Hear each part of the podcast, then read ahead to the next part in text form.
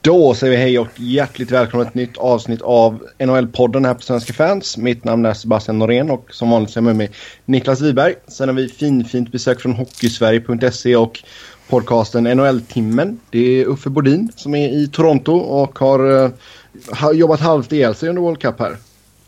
Ja, nej.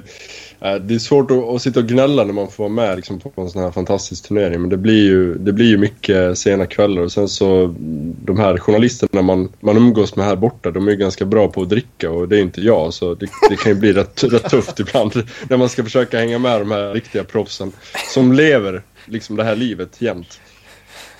är, det, är det Bjurman du syftar på nu? Ja, ja, det, det, finns, han är långt ifrån ensam om jag säger så. ja, nej, men alltså det är klart att det, det, blir lite konstigt också med tanke på tidsskillnaden och allting. Men hur, hur har en vanlig arbetsdag sett ut här under turneringen för dig? Ja, man kan väl säga så här liksom. Det, oftast så har man varit nere vid arenan kanske redan vid, vid tio tiden för att då har det varit så här något lag har tränat och något annat haft pressträff och det är liksom spelarna, det är ju som ett stort pressrum där och sen så kommer spelarna dit så att det enda man gör själv är att röra sig mellan det här pressrummet och pressläktaren när det är match eller sådär. Så eh, man har väl egentligen under gruppseriespelet i alla fall så då tillbringar man hela dagarna där. Då var, då var man väl tillbaka på hotellet någon gång. Eh, ja, om de gångerna inte spårade så var man tillbaka på hotellrummet kanske vid halv ett, ett. Ja, något sånt. Så det blir, det blir ganska långa dagar men det är riktigt kul också.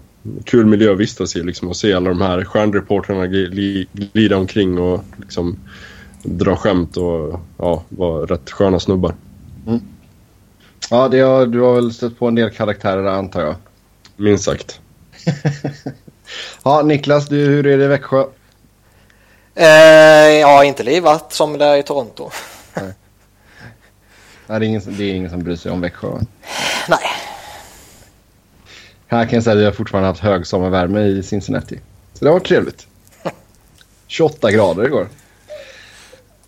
Så det, det gillar både jag och lilla dottern här. Nu sitter hon och tittar på mig lite konstigt. Men, men, men vi hoppar in på nyheter och det allra senaste det är att Brad Marchand har signat en åttaårsförlängning med Boston. Hans eh, capita landar på strax över 6,1 miljoner. Eh, Niklas, rätta välinvesterade pengar från Bruins sida? Eh, ja, det får man väl ändå säga att det är. Jag tycker att han signar upp på ett eh, ja, marknadsmässigt capita liksom. Han är ändå en väldigt pålitlig spelare och har ju gått och blivit en bra målskytt och säga vad man vill om honom. Jag föraktar honom jättehårt. Men du är en jätteduktig winger. Det kan man inte ta ifrån honom. Nej, absolut. Uffe, du har ju sett honom på nära håll nu. Hur har eh, mm. Marchand sett ut här under turneringen? Fantastiskt bra. Jag menar, man kan ju alltid liksom hävda att det är lätt och liksom man får spela med två spelare som Patrice Bergeron och, och Sidney Crosby. Men jag tror ju någonstans att det krävs ganska bra hockey smarts för att klara av det. Och Brad Marchand har gjort det. Och det här är väl, även om han gjorde 37 mål förra säsongen och var liksom fantastisk för Bruins så tror jag ändå att den här turneringen ändå varit någonstans eh, det här tillfället för honom att visa att han är mer än liksom bara den här råttan som, som man lärde känna honom som där under Stanley Cup-finalerna 2011 när han liksom smällde på eh, Daniel Sedin och, och hela den där grejen. Så jag, jag, tycker att det här har ju verkligen varit hans eh, coming out party på sätt och vis. Och det var faktiskt många efter när han satte två kassar där i semin mot Ryssland så var det faktiskt många som liksom var på honom och undrade om han inte skulle vänta och bli unrestricted free agent och gå till, eh, till Pittsburgh och spela med Crosby där. Och han, han, han skruvade lite, lite så här eh, besvärat på sig när han fick frågan men jag menar, han spelar ju samtidigt med Patrice Bergeron som, ja, jag vet inte, efter Crosby så är ju han en av NHLs bästa centrar. Så jag tycker att han har det ganska bra ställt ändå där han är i Boston. Mm, Boston får försöka lura till sig Crosby istället. ja, exakt. det blir nog svårt, men Ja, nej, så absolut bra betalt för honom och som ni säger en väldigt, väldigt, väldigt bra spelare. Sen har det varit mycket snack om Jacob Trubo också i Winnipeg. Han har bett om en trade. Och eh, ja, han påpekar ju självklart att det handlar inte om pengar. Det, utan det är mer om situationen han är i laget och sådär. Vill spela i, högre upp i paren och allt sånt där. Men alltså är det den enda anledningen eller är det bara så att han hatar staden Winnipeg? jag, jag skulle inte förebrå honom om så var fallet. det är ju det är riktigt, ett riktigt köldhål. Och, ja, nej, jag vet inte. Det, det, är svårt att svara på såklart. Men det är klart, han har ju både Myers och uh, Bufflin före sig i hierarkin som, som rightback där. Och det, det är klart att det är ett problem för honom och kanske hans utveckling. Han har inte fått så mycket powerplay-tid och, och kanske inte fått den skjutsen som man hade trott. Han hade en väldigt lovande rookie-säsong och sen dess har det väl inte hänt jättemycket om man ska, om man ska vara ärlig. Så jag tror ju definitivt att det kunde vara bra för honom att flytta på sig. Men sen, ja, det blir alltid känsligt när man begär en trade på det där viset. Jo. Alltså det är ju surrat att han har begärt ganska mycket pengar ändå Niklas. Och, alltså, om vi tittar på vad han har åstadkommit än så länge i sin karriär. Hur mycket pengar skulle du kunna tänka dig att ge Truba? Jag skulle kunna pröjsa rätt mycket för honom. Eh, jag tycker han har visat mycket och jag tycker han har eh, han har ju ändå etablerat sig på något sätt. Och jag tror väl också att när han väl hamnar i den här vad ska man säga, rollen som han nu försöker få genom en trade. Så tror jag att han kommer ta det klivet. Ehm, det är nog rätt svårt att göra det i Winnipeg med tanke på att han kommer i bästa fall spela andra fiolen bakom Big Buff känns det som. Mm. Och det är väl bara John Tortorella som skulle få för sig att peta Bufflin liksom. han, han, kommer ju, nej, men han kommer ju spela PP i, i Jets i många år och stå och skjuta där på blå linjen. Så. Ja, det är klart. Det är nog en rätt jobbig sits för honom. Sen kan jag ju tycka det är lite märkligt att du är så missnöjd med att du måste spela vänsterback att du går ut och begär en trade. Eh, det som är allra mest fascinerande av allting det är ju att de gjorde det i maj och att det kommer ut först i slutet på september. Mm. Och det kommer ja, ut... sånt brukar ju läcka ut. Ja, och liksom det kommer ut genom att agenten gör ett officiellt statement. Så det är inte så att det är liksom Bob McKenzie eller Elliot Friedman eller någon som snappar upp det utan det går verkligen ett halvår innan någon greppar någonting. Men det är ju rätt intressant också med den här agenten Kurt Overhart. Vi såg, han har även Ryan Johansson som mm. gjorde den här grejen eh, i Columbus för ja, det är väl något, ett år sedan eller något sånt där. Innan han blev tradad till Nashville. Och det var väl lite samma sak där. Det började väl med att han läckte ut det till pressen och sen så blev det en stor grej av det. Så att det verkar vara det verkar vara lite av hans taktik helt enkelt. Att eh, när det inte går som han vill då liksom börjar han använda media som, liksom, för att öka påtryckningarna där. Det pressmeddelandet som Winnipeg Jets skickade ut efter att det här blev känt det var ju ganska intetsägande också. Utan de, de, de har ju ganska höga krav om de ska släppa en, en, en kille av den kalibern. De ser väl ändå att det finns en hel del potential i honom. Ja, det förstår jag absolut. De snackar ju ändå om att priset är ju att de vill ha in en topp 4-back som spelar på vänstersidan.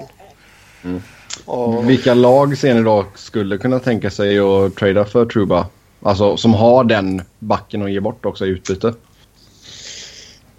Ja, alltså det finns ju många lag som har ett stort behov av en sån här kille. Jag, jag tänker ju på Detroit Red Wings är ju definitivt... Han är väl från Michigan också om jag inte missminner mig. Ja. Uh, så, men där har de ju definitivt ingenting i närheten av liksom... Så, ja, den, den är, det är en svår nöt att knäcka faktiskt.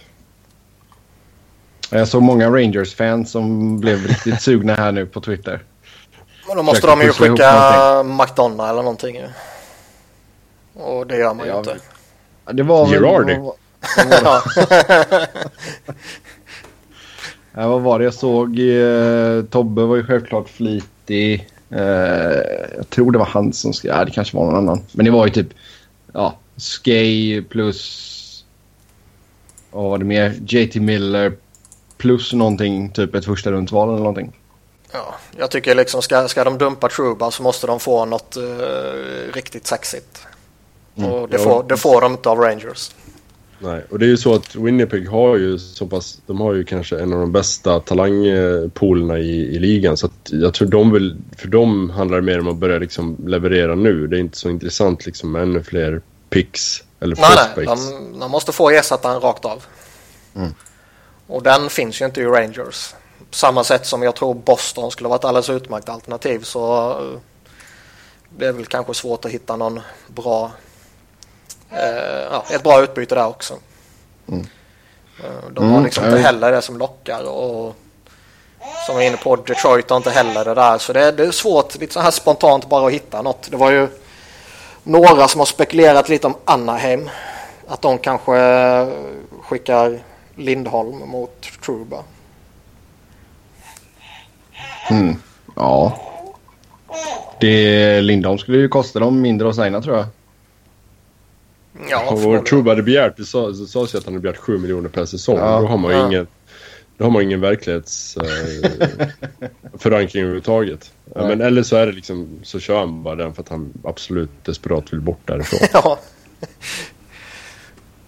Men annars känns väl det som ett ja, rätt fair utbyte. Ett paket kring Lindholm mot Truba. Men sen är jag ju... Jag är lite så här att en sån spelare skickar man inte inom samma konferens. Är mm. du på västkusten så skickar du honom österut och vice versa. Mm. Ja, du kan tänka mig att offra Jake Massin. Ja, det tror jag. Jag kan gärna offra Andrew McDonald. Kan slänga in Rob Scuderi också. ja. ja, nej, vi får se var Truba hamnar här nu till slut. Men det känns väl som att han kommer att komma iväg på något sätt. Sen Rickard Rakell i Anaheim. Eh, rykten som publicerades i Expressen att Sibir Novosibirsk, där satt den, eh, är sugna på att ta in honom så länge han är utan kontrakt. Känns det som något bra alternativ för Rickard? Först och främst ska han bli frisk. Ja, precis. Det är kanske det viktigaste av allt. Där. Det lät ju mm. inte allt för mysigt det där han gick igenom alldeles innan ja, World Cup. Så, det är väl givetvis eh, prio för honom. Eh, jag vet inte. Det är klart det är alltid bra att liksom få, få speltid om liksom den här om den här konflikten drar ut på tiden nu. Men jag vet inte. Gå från Ryssland och sen tillbaka till NHL eventuellt. Det är lite rörigt kan jag känna. Ja, speciellt då när han alltså legat på sjukhus med tar tarmvred och ja. ja nyopererad och allting. Dra till ja, Ryssland. Nej. Det, nej, det känns inte som något, som något man skulle rekommendera. Nej. Det känns väl inte heller som att... Eh, alltså det, det bör ju inte vara någon pengafråga som är jättelångt ifrån varandra. Alltså Anaheim och Rakell. Eh, jag har svårt att se att Alltså ta en Lindholm till exempel. Där kanske de ändå kan se lite olika på ett kontrakt. Lindholm kanske vill ha pröjs som många andra backar i, i den situationen har fått. Medan de kanske vill gå kort och billigt ett kontrakt till. Men riktigt den sitsen ser jag väl inte Rakell i. Även om Nej, han, men... han breakade lite denna säsongen med 20 baljor men, men ändå. Jo exakt, jag menar Lindholm har ändå visat ända sedan han kom in i ligan. Han har ju spelat tre säsonger liksom och han är ju känd som en kille för ett första par sen första matchen liksom. Ja, typ. Så ja, vi får se, vi får se. Jag hoppas först och främst att han blir frisk såklart. Sen en kille som inte är frisk, det är Clark MacArthur. Drabbas av ny hjärnskakning efter uppmärksammad tackling på eh, en scrimmage under Senators training camp. Ehm, ska man verkligen gå så hårt på varandra under training camp? Ja, det, det blir ju ofta lite så de här yngre killarna som, som vill visa upp sig och jaga en plats. Eh, det, det är ju tragiskt att det ska bli så här. Jag, jag, vet inte. Det här är väl, om jag fattar rätt så var det en ny kille också. Patrick Seeloff har ju varit i Calgarys organisation tidigare om jag inte missminner mig. Så att han, han, han är ganska ny. Ju i Chiasson-traden. Ja, precis. Här i somras var det va? Uh, så jag, jag vet inte. Men det är klart att någonstans måste man vara medveten om varandras skadehistorik till viss del i alla fall. Det här är ju, det här är ju definitivt potentiellt karriäravslutande. Ja, alltså missar ju nästan hela förra säsongen. Ja. Uh, jag tycker det är bara märkligt att liksom lagen år efter år är fullt bekväma med att det går till på det här sättet. Att, att man liksom inte verkar ha några tankar på liksom att okej okay, nu kör vi en, en internmatch här men vi kör utan fysiskt spel. Utan det, det verkar man inte prioritera på något sätt. Men hur ska spelarna kunna visa upp sin grit? Ja, nu jag fattar ju att du bara jävlas med mig. Men det finns ju folk som skulle ställa den frågan på riktigt. Och liksom jag vet inte vad man ska svara på en sån dum fråga. Men det har liksom man, man kan inte ha en training camp eller camp, det kan vara development camp under sommaren eller någonting, där du måste visa och prestera så mycket så att du faktiskt riskerar att skada lagkamrater. Nej, det är klart. Uh, nej, vi får se vad som händer med MacArthur. Hur, hur många hjärnskakningar har han hållit på nu? Ja, för många. Men han hade ju jätteproblem senast det här ju. Och man såg ju, man märkte ju verkligen vilken uh, kaos det blev när uh, Bob Ryan liksom hoppar på honom direkt och fightar honom och sen efteråt så hoppar både Brassard och Chris Neal, eller vi går efter honom då. Coachen tvingas skicka bort honom från bänken liksom. Ja, man undrar ju liksom den killen, jag, jag, har, jag har inte hunnit läsa liksom, om han har uttalat sig om det hela men alltså det, det är inte direkt eh, det, bästa, den bästa starten i en ny klubb och liksom gå in och typ tackla sönder en av, ja men onekligen vad jag har hört i alla fall en av de mest populära killarna i laget liksom. Det är mm. någon som, ja. som verkligen, jag vet Erik Karlsson har talat väldigt gott om Clark MacArthur och ja en hyvens kille helt enkelt och så kommer man in så här alldeles i början på en training camp och gör något sånt här. Det, det, frågan är liksom vad han ska ta vägen efter det här. För det känns inte som han kommer vara speciellt uh, välkommen i NHL-laget i alla fall. Nej, det blir nog AHL där kan man ju lugnt säga. Um, Fast ja, alltså, ja. Tänk, tänk bara nästa träningspass liksom. Det måste vara jätteudda ja, stämning. Så jag förstår inte hur de uh, kan ha kvar honom. Ja, nej. Det, det blir nog lite dålig stämning där kan man lugnt säga. Och ha kvar honom menar jag ju då ha kvar honom i NHL. Mm. Att dumpa ner honom i AHL, det, så får han väl bevisa någonting där nere. Ja. Mm. Då tar vi gå vidare till World Cup. Och vi börjar med Kanada-Ryssland semin. Och eh, Uffe, hur tyckte du att ryssarna såg ut? Ja, hade de inte haft Bobrovski så hade väl den där matchen varit slut ganska snabbt. Han höll ju kvar dem i matchen och det var ju till och med så när det tagit dem ledde i andra perioden. Men eh, det var ju Kanadas match egentligen från början till start. Ryssarna, ja, de, de hade inte mycket att säga till om och det var väl någonstans det man hade räknat med också. Jag menar, stjärnorna, framförallt Malkin tycker jag var otroligt blek. Mm. Ovechkin kommer inte heller upp i någon större klass. Han, han försökte spela fysiskt och sådär men jag, jag, jag, tror... Han har väl knappt ett skott på mål en del av matchen om jag minns rätt. Jo men det är väl lite det som har varit skillnaden. Jag tycker inte så... Ja. Ovechkin har så försökt men Malkin ja. har bara sett loj ut. Ja precis och sen varje gång han tappar pucken så liksom åker han och gestikulerar lite sådär uppgivet. Så nej. Uh, det, alltså, det är väl några få ryssar som var bra i den här turneringen. Det är Bobrovski givetvis och sen uh, Kuznetsov som än en gång visar att det är han som är liksom framtidens stora stjärna för ryssarna. Och sen tycker jag även den här KL-spelaren Ivan Telegin som var riktigt bra på VM i våras också. Han, han har gått från klarhet till klarhet så det väl, står väl inte på innan han har ett NHL-kontrakt igen. Mm. Mm. Mm, Niklas, vad tyckte du? Nej, jag håller med mycket av vad Uffe säger. Det Bobrovski räddar dem ju från en riktig förnedring. Och kanske inte bara i den här matchen utan i turneringen generellt. Han var ju på många sätt rätt fantastisk. Uh, sen blir det väl lite, jag undrar om Malkin han dras med någon skada eller någon känning eller något sånt där.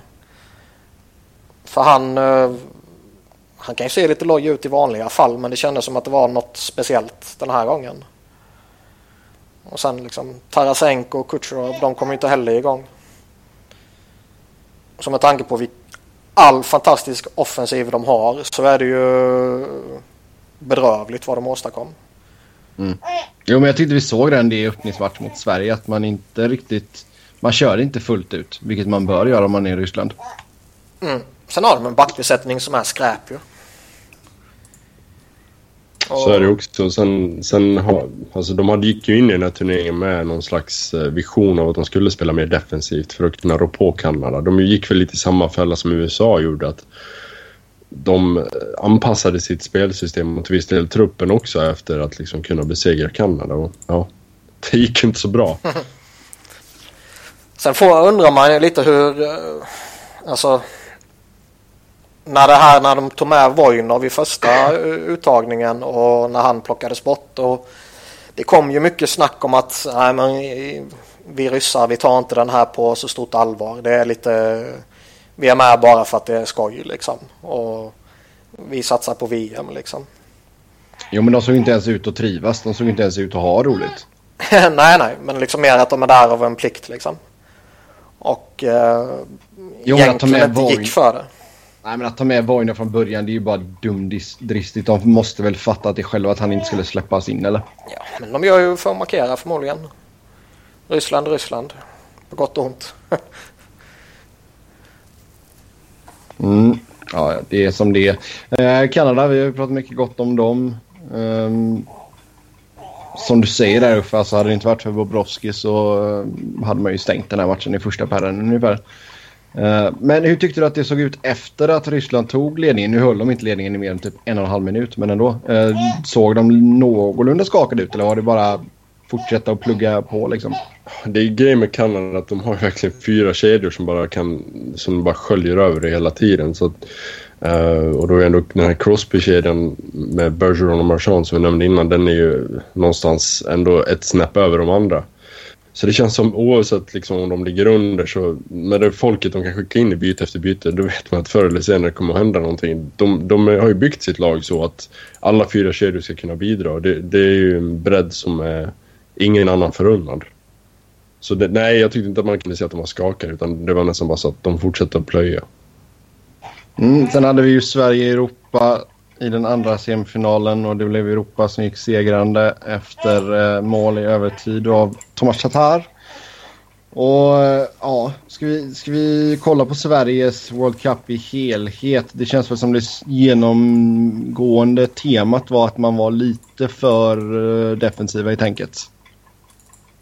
Ja, absolut. Det, det var intressant liksom att höra reaktionerna härifrån. De som ser de här spelarna liksom på daglig basis live. Och de var ju närmast chockade över hur Sverige valde att ställa upp med, speciellt med tanke på den backuppsättningen som vi har. Att, att liksom hur, hur ofta var det man såg att en svensk back följde med upp i anfallen? Liksom, eller fyllde på, breddade? Det, det hände ju knappt. Det kändes som att de var väldigt liksom, så låsta i sitt spel. Och det, det tycker jag kostar Sverige. Och gjorde de nio mål på fyra matcher. Det är ju på tok för dåligt med det här spelarmaterialet. Jag tyckte Hedman visade rätt goda intentioner i början på turneringen av just det här att kliva fram och fylla på och pytsade någon gång och så här också Men sen försvann ju han typ så jag undrar om han drog på sig något skit också. Ja, han fick ju någon smäll av Komarov i andra matchen mot Finland. Ja. Han hade lite, hade lite tungt att resa sig upp. Sen så gick det mycket förkylningar i, i truppen och sådär. Det var inte bara Henrik Lundqvist som var drabbad. Jag vet att uh, Oliver Ekman Larsson låg ju i sjuksängen, jag tror det var dagen innan de spelade semifinalen. Så att, ja. Men det är samtidigt, det är ju det är, det är så pass små saker. Det ska inte påverka slutresultatet ändå. Uh, så summa summarum är väl någonstans att jag tycker att de fegar ur lite för mycket. Att de, mm. Jag tror kanske att den där sista matchen mot Europa i Washington, att det var det som ställde till att de... Det är min teori i alla fall att de... Efter den matchen så blev det som att nej men shit det här funkar inte. Nu måste vi typ ta ett steg tillbaka och bli hyperdefensiva. Och det funkar ju bra mot ryssarna och ganska bra mot, mot finnarna. Och då var det som att de inte ville, ville göra några förändringar efter det. Och tycker att de blev rätt låsta och att de... Det kändes aldrig som de släppte handbromsen helt enkelt. Nej, alltså det, det, såg nästan bäst ut i matchen mot Nordamerika när man låg under ja. och man var tvungen att gå framåt. Exakt, precis. Sen tycker jag det är ju tämligen bedrövligt när du spelar en eh, direkt avgörande semifinal, spelar för ditt liv så att säga och du har tillgång till världens bästa back och då spelar han 23 minuter.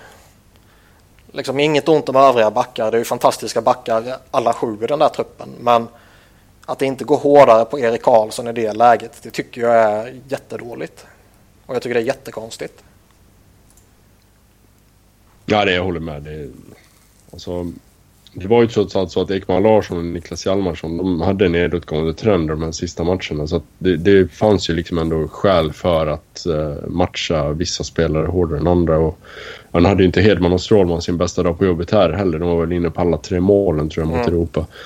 Så Uh, jag håller med. Det, alltså, har man Erik Karlsson i, i laguppställningen så då, då borde man ge honom liksom, fria tyglar. Det är ju det som har gjort honom så framgångsrik i Ottawa. Liksom. Verkligen.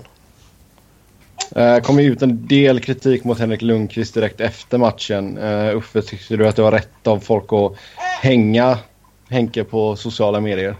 Nej, det tycker jag väl inte. Det är klart att han gör inte sin bästa match. Det, det gör ju å andra sidan ingen annan svensk heller. Men att liksom skylla förlusten på honom, det är ju befängt. Det var ju... Ja. Han räddade oss i de tidigare matcherna. Ja, precis. Jag menar, hade det inte varit för Henke så hade det väl inte ens varit i den där matchen. Så det har ju Niklas helt rätt i faktiskt. Mm. Sen, sen är det också rätt bedrövligt att han tvingas rädda oss mot typ ryssarna.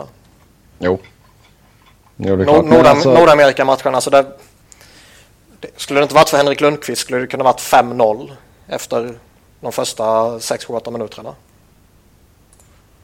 Ja, herregud, de öste ju på så det som om det fanns någon morgondag. Men eh, ja, vi har ju sett lite sådär fiaskostämpel från vissa håll. Um, tycker ni att det var ett fiasko? Nej, alltså, de, alltså det är klart.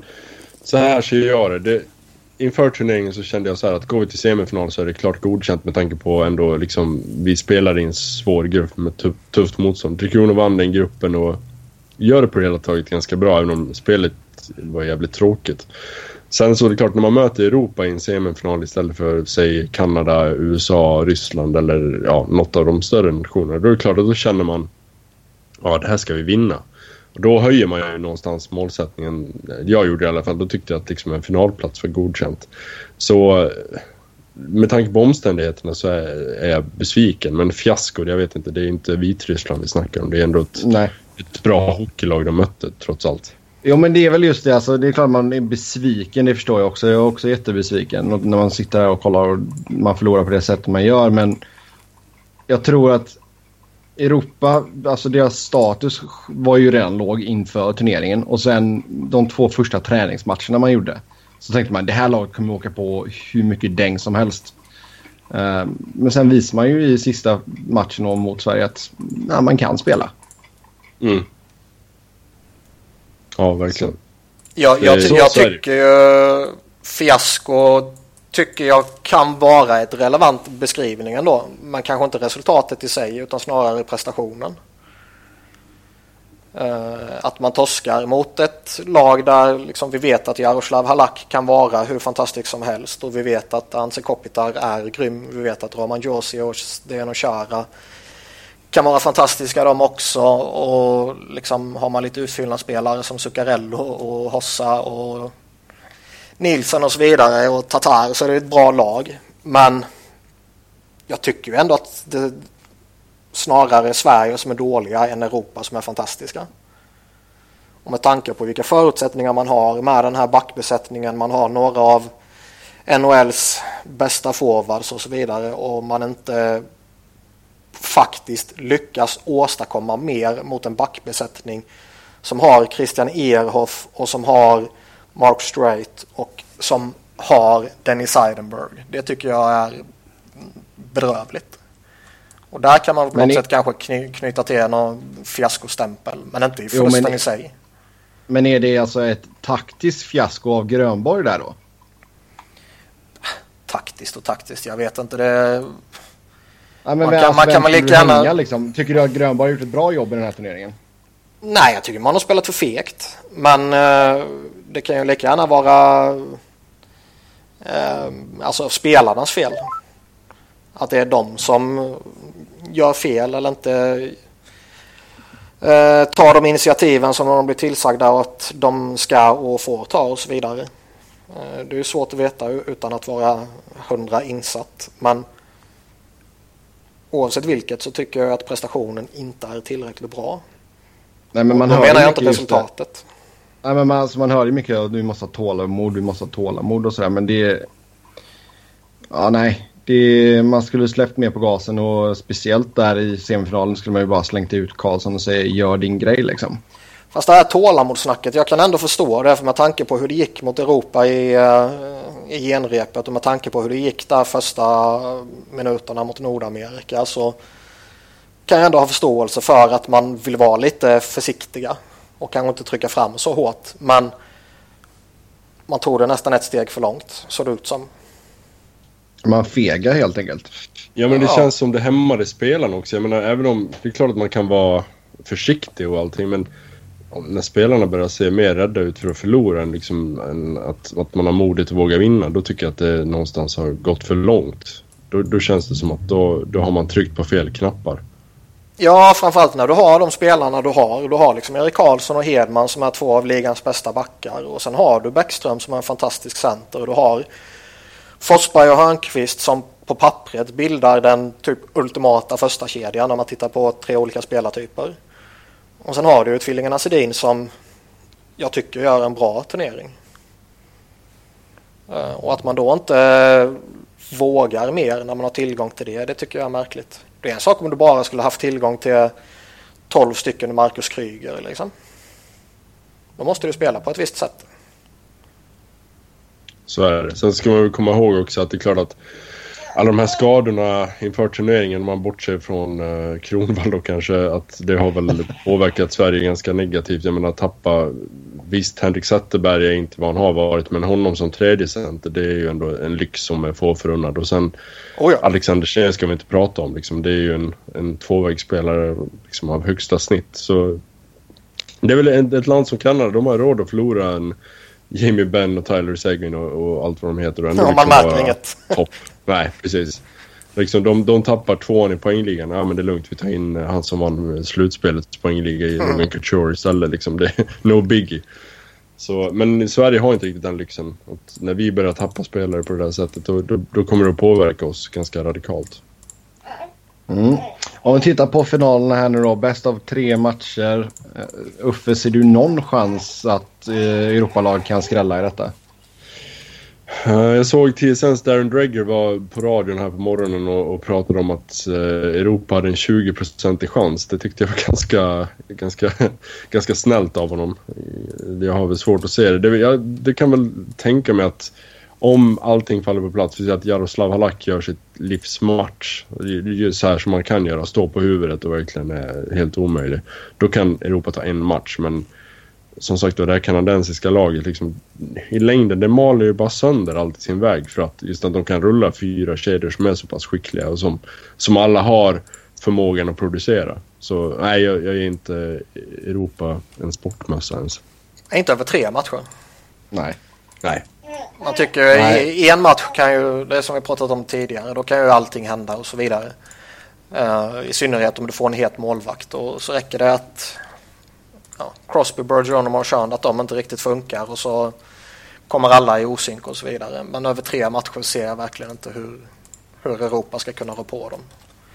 Kanada är för bra, för djupa. Mm, nej, jag tror de tar detta i två raka faktiskt ganska lätt. Uh, inget ont om Europa, men jag tror bara Kanada, som, som du sa, för man har tre eller fyra stycken första kedjor mer eller mindre. Så det ska nog mycket till om Europa ens ska ta en match. Ha, vad mer ska vi säga om turneringen Uffe? Hur, hur tycker du att arrangemanget har varit? Det såg lite tomt ut mellan Sverige och Europa. Ja, precis. Eh, det var väldigt dålig atmosfär i, i arenan. Det hjälptes fint av att det var en riktigt dålig match också, sett till själva underhållningsvärdet. Men det, jag menar, det, det har varit bra också. Vi, ibland när Kanada spelade var det riktigt bra drag. Det här eh, nordamerikanska U23-laget, det var ju naturligtvis den hockeyn de spelade. Det, det liksom lockade publik. Så att, det var, ju, det var ju tufft för arrangörerna att liksom de inte gick vidare. De gått vidare. Det blev en jäkla hås kring, tror jag, kring turneringen. Nu kändes det som, som när jag gick till arenan igår, allt man mötte var baseballfans. Liksom, för då krockade Sveriges match med Toronto Blue Jays mötte eh, New York Yankees tror jag här i, på Rogers Center som ligger alldeles intill Air Canada Center. Så att man märkte att det var liksom, folk drog dit istället. Jag tror de hade utsålt 47 000 åskådare eller något sånt där. Så det, det, man kan ju säga vad man vill om, om Toronto att det är en hockeystad och så här men det är ju så att det finns mycket bandwagon-fans här också. Det är klart när Maple Leafs har varit så himla dåliga under så lång tid så är det klart att är det ett annat eh, lag i stan som börjar gå bra då, då blir det genast, det blir genast en het eh, biljett. Jo, det är klart. De är ju i slutspelsracet där i MLB. Så jag kan väl köpa det i och för sig att man kanske inte är jättesugen på att gå och se Sverige i Europa då. Men Alltså trots allt, jag tycker ändå att man ska kunna... För jag menar hur många invånare har du Ja. i Toronto?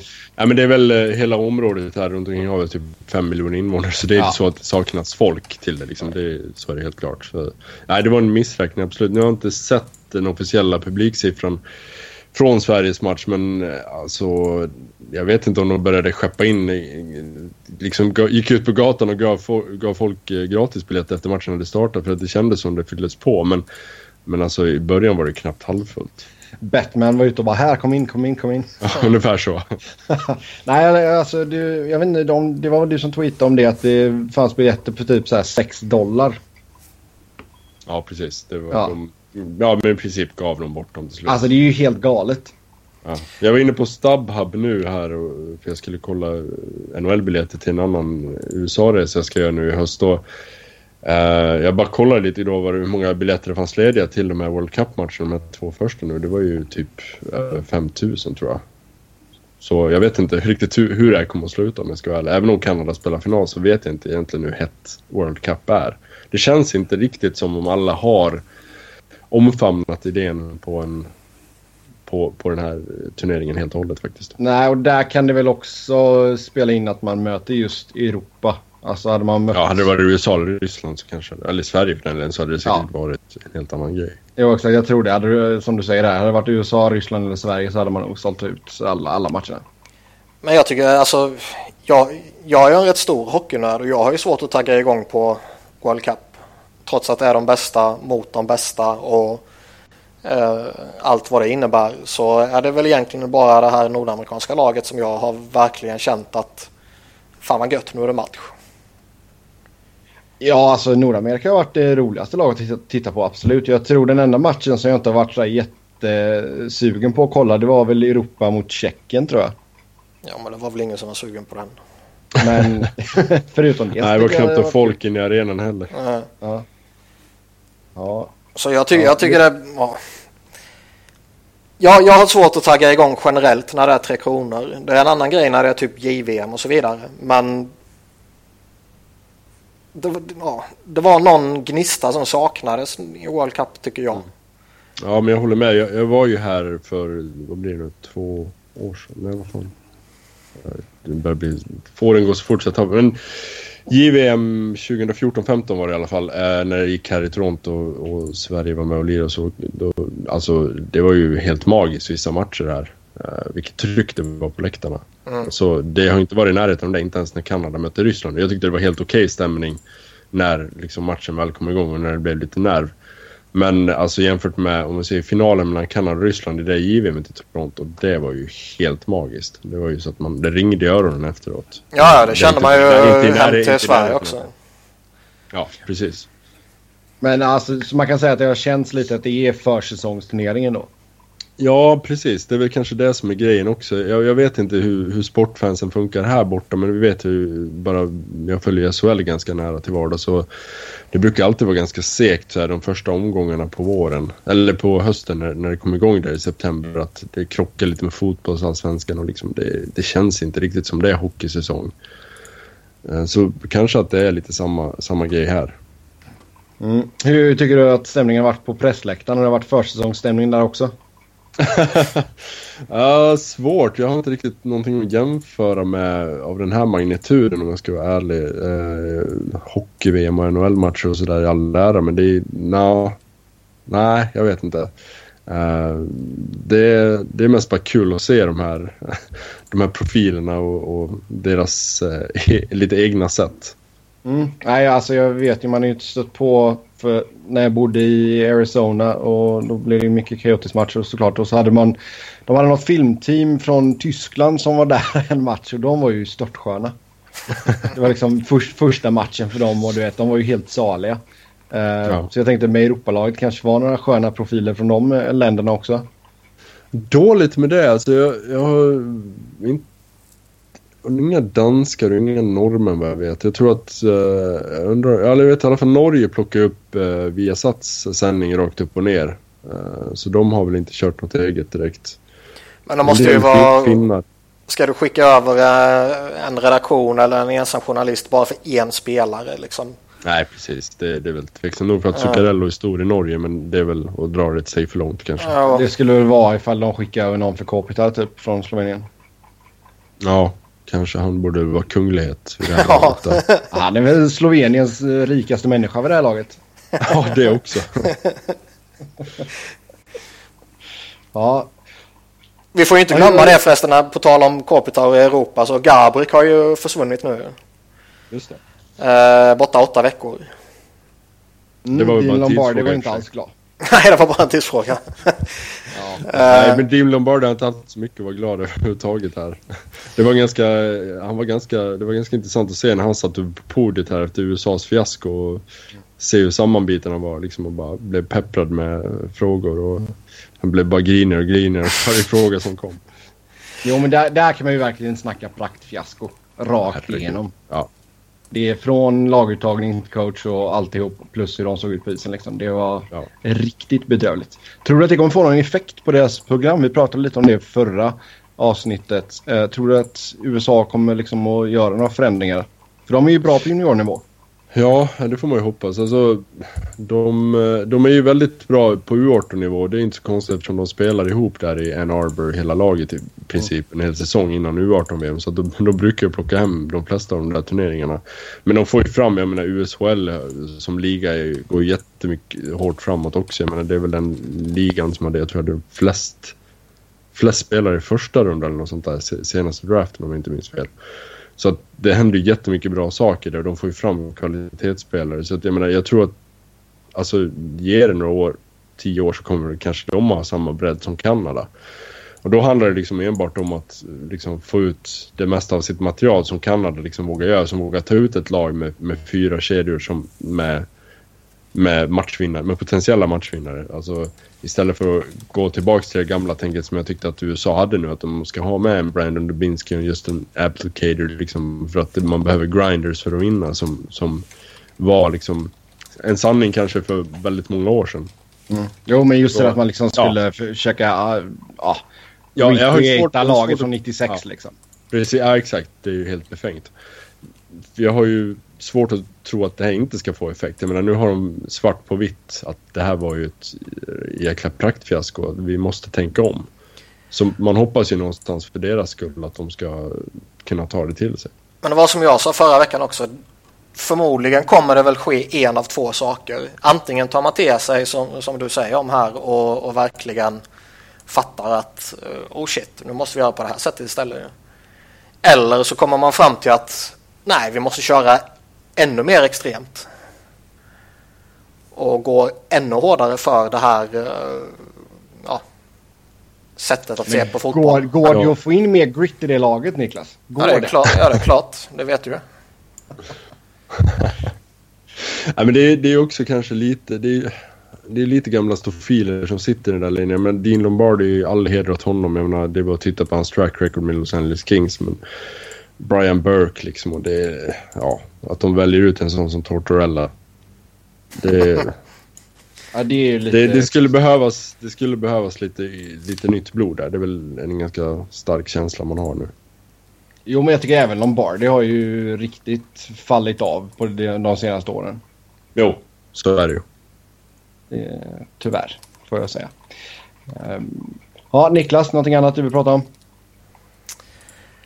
Eh, Jag kan fortsätta snacka skit om Lombardi om du vill. Ah, nej. Nej, Jag blir bara så nedstämd. inte jag. Nej, det vet jag. Ja, eh, har du kollat någonting på... Har de dragit igång campen än för Philly eller? Mm, Provorov gör dundersuccé. Härligt. Han På riktigt ser... eller är det bara du som säger det? För fan Sebbe, du vet att jag aldrig snackar skit. Eh, nej, han har faktiskt fått... eh, de har ju bara kört internt och grejer. De kör ju första träningsmatchen nu måndag natt här. Um, och Vilka möten?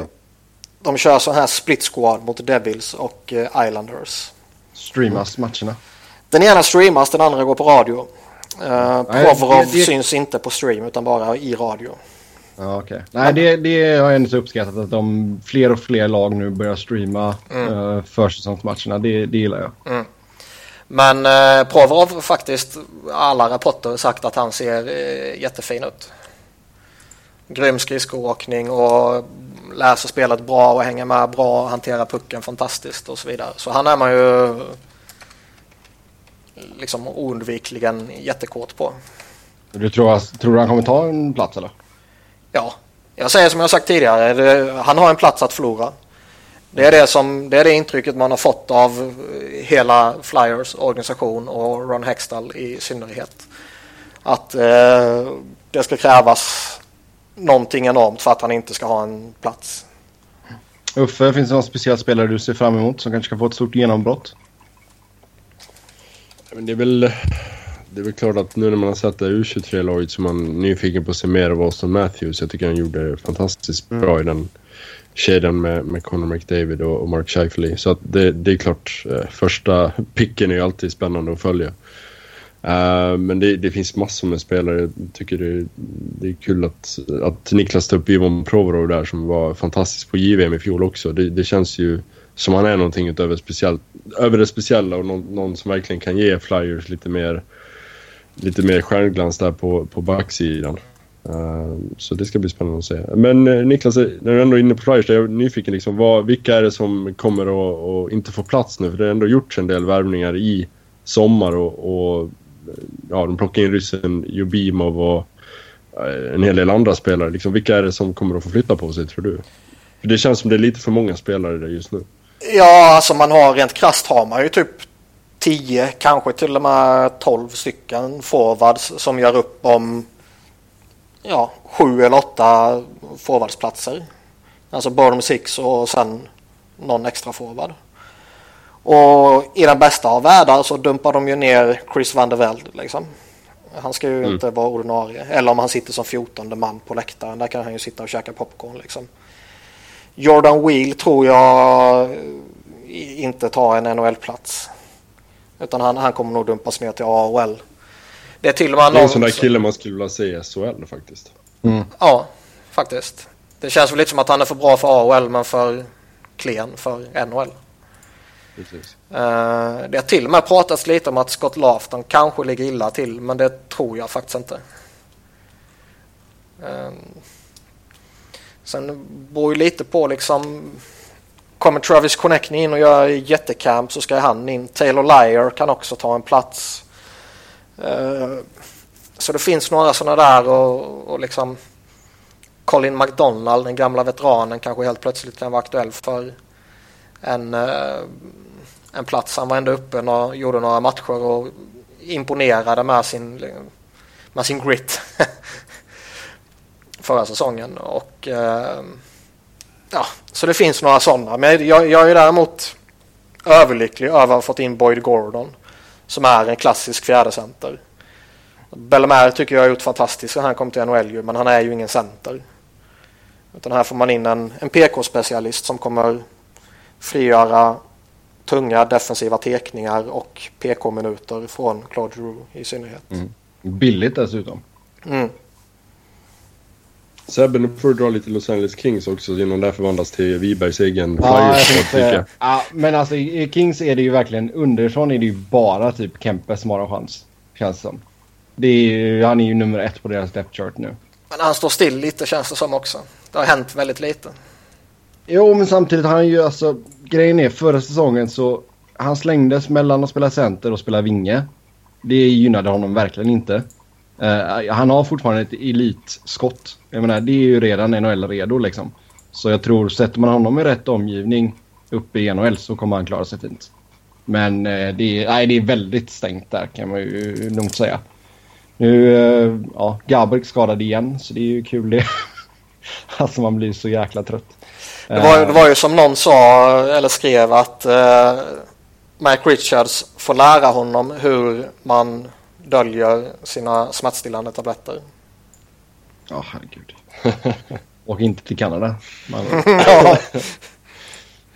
nej, så det är, nej, man kör på med det laget man har här helt enkelt. Det, det blir typ det liksom.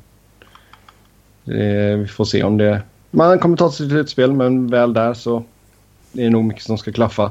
Tyvärr har vi fortfarande Rob Scuderi. Spelar man honom så skjuter man sig själva i foten också. Ja, det... Daryl Sutter har sina märkliga favoriter. Det, det ja, det kan, det kan man ju lugnt säga. Nej, och sen får vi ju se också hur det påverkar gruppen nu med Kopita som kapten och men Dustin Brown var ju inte jätteglad att bli av med C liksom. Det, det, kan man ju förstå på en personlig level men samtidigt är han ju inte bra längre. Nej, det blir bara intressant att se uh, hur bra han kan vara för Las Vegas kommande år. Ja, mm. oh, gud jag hoppas att de tar honom. Det, det hade varit fint faktiskt. Ja, det, det är det med Kings att de sitter ju på rätt många tunga kontrakt som, uh, ja, som kommer att hålla dem tillbaka om några år är ju risken. Jo, det är absolut. Jag menar, Kopitar är ju fortfarande bra och jag, jag har inga problem med det kontraktet man skrev med honom. Men det är 10 miljoner är fortfarande mycket pengar alltså. Mm. Uh, sen, ja. Vad är det han plockar ut? Jag tror han plockar ut 14 miljoner i lön den här säsongen. Ja, precis. Han var nog den högst avlönade åtminstone ja, just den här säsongen. 500 000 mer än, äh, än tvåan tror jag det var. Så det, ja, det är, det är duktigt. Så vi får se, vi får se. Får se ifall han uh, har en sån monstersäsong nu efter att ha spelat bra med Europalaget. Uh, vad ska vi mer säga Niklas? Jag såg att man inte behövde använda x antal veteraner i träningsmatcherna. Nej, men det läckte ju ut för två, tre veckor sedan också. Att de skulle, eller rättare sagt då sa de att de skulle tumma på de här reglerna. Att de måste ha åtta veteraner i träningsmatcherna. På grund av World Cup då. Mm. Vissa spelare är fortfarande kvar och vissa har kommit tillbaka och inte börjat träna ännu och vissa har precis börjat träna. Så de skulle tumma helt och hållet på den här regeln nu och släppa det att man har inga sådana krav. Tror du att det kommer leda till färre PTOs? Eh, nej, för jag tror ju fortfarande att de här spelarna som är iväg måste ju... Alltså du går ju inte från en World Cup-semifinal och dagen efter pumpar igång training camp. Gör du det så har du ju en fruktansvärt korkad GM eller coach eller vem det nu är som bossar där. Utan där får man ju några dagars vila och när du väl är tillbaka sen så får du ju... Alltså, du slängs ju inte in i match det absolut första du gör så att säga. Nej. Så jag tror mycket väl man kan se några sådana till bara för att man vill ha lite veteraner och alltså vissa lag spelar två matcher samma kväll och splittar på trupperna och då behöver du fylla ut det kanske och så vidare. Så jag tror mycket väl det kan komma någon sån till. Mm. Uffe, vad gör man på en ledig dag i Toronto? Ja, eh, jag åkte faktiskt ut till ehm, ja, lite norr om stan här och besökte The Hockey News på deras kontor faktiskt. Jag fick eh, vara med under en, ja inte en hel dag men en halv dag i alla fall. Och, ja, sitta med på deras måndagsmöte och liksom få lite inspiration kring hur de arbetar och liksom vad man kan lära sig av det. Och, och ta, så det var jäkligt kul och lärorikt faktiskt. Jag fick gå in i deras gamla arkiv och bläddra i deras äldsta tidningar som var från, jag tror att den fyller 70 80 år nästa år, tidningen. Så de hade, de hade varenda, varenda nummer där, så det var rätt häftigt. Häftigt nice. besök faktiskt. Ja, det, det brukade ju vara någonting man köpte ganska slaviskt när man var mindre. Mm. Ja, Uffe, vi ska tacka dig för att du varit med oss. Som vanligt så Ja, men tack vi... så hemskt mycket för att jag fick uh, delta.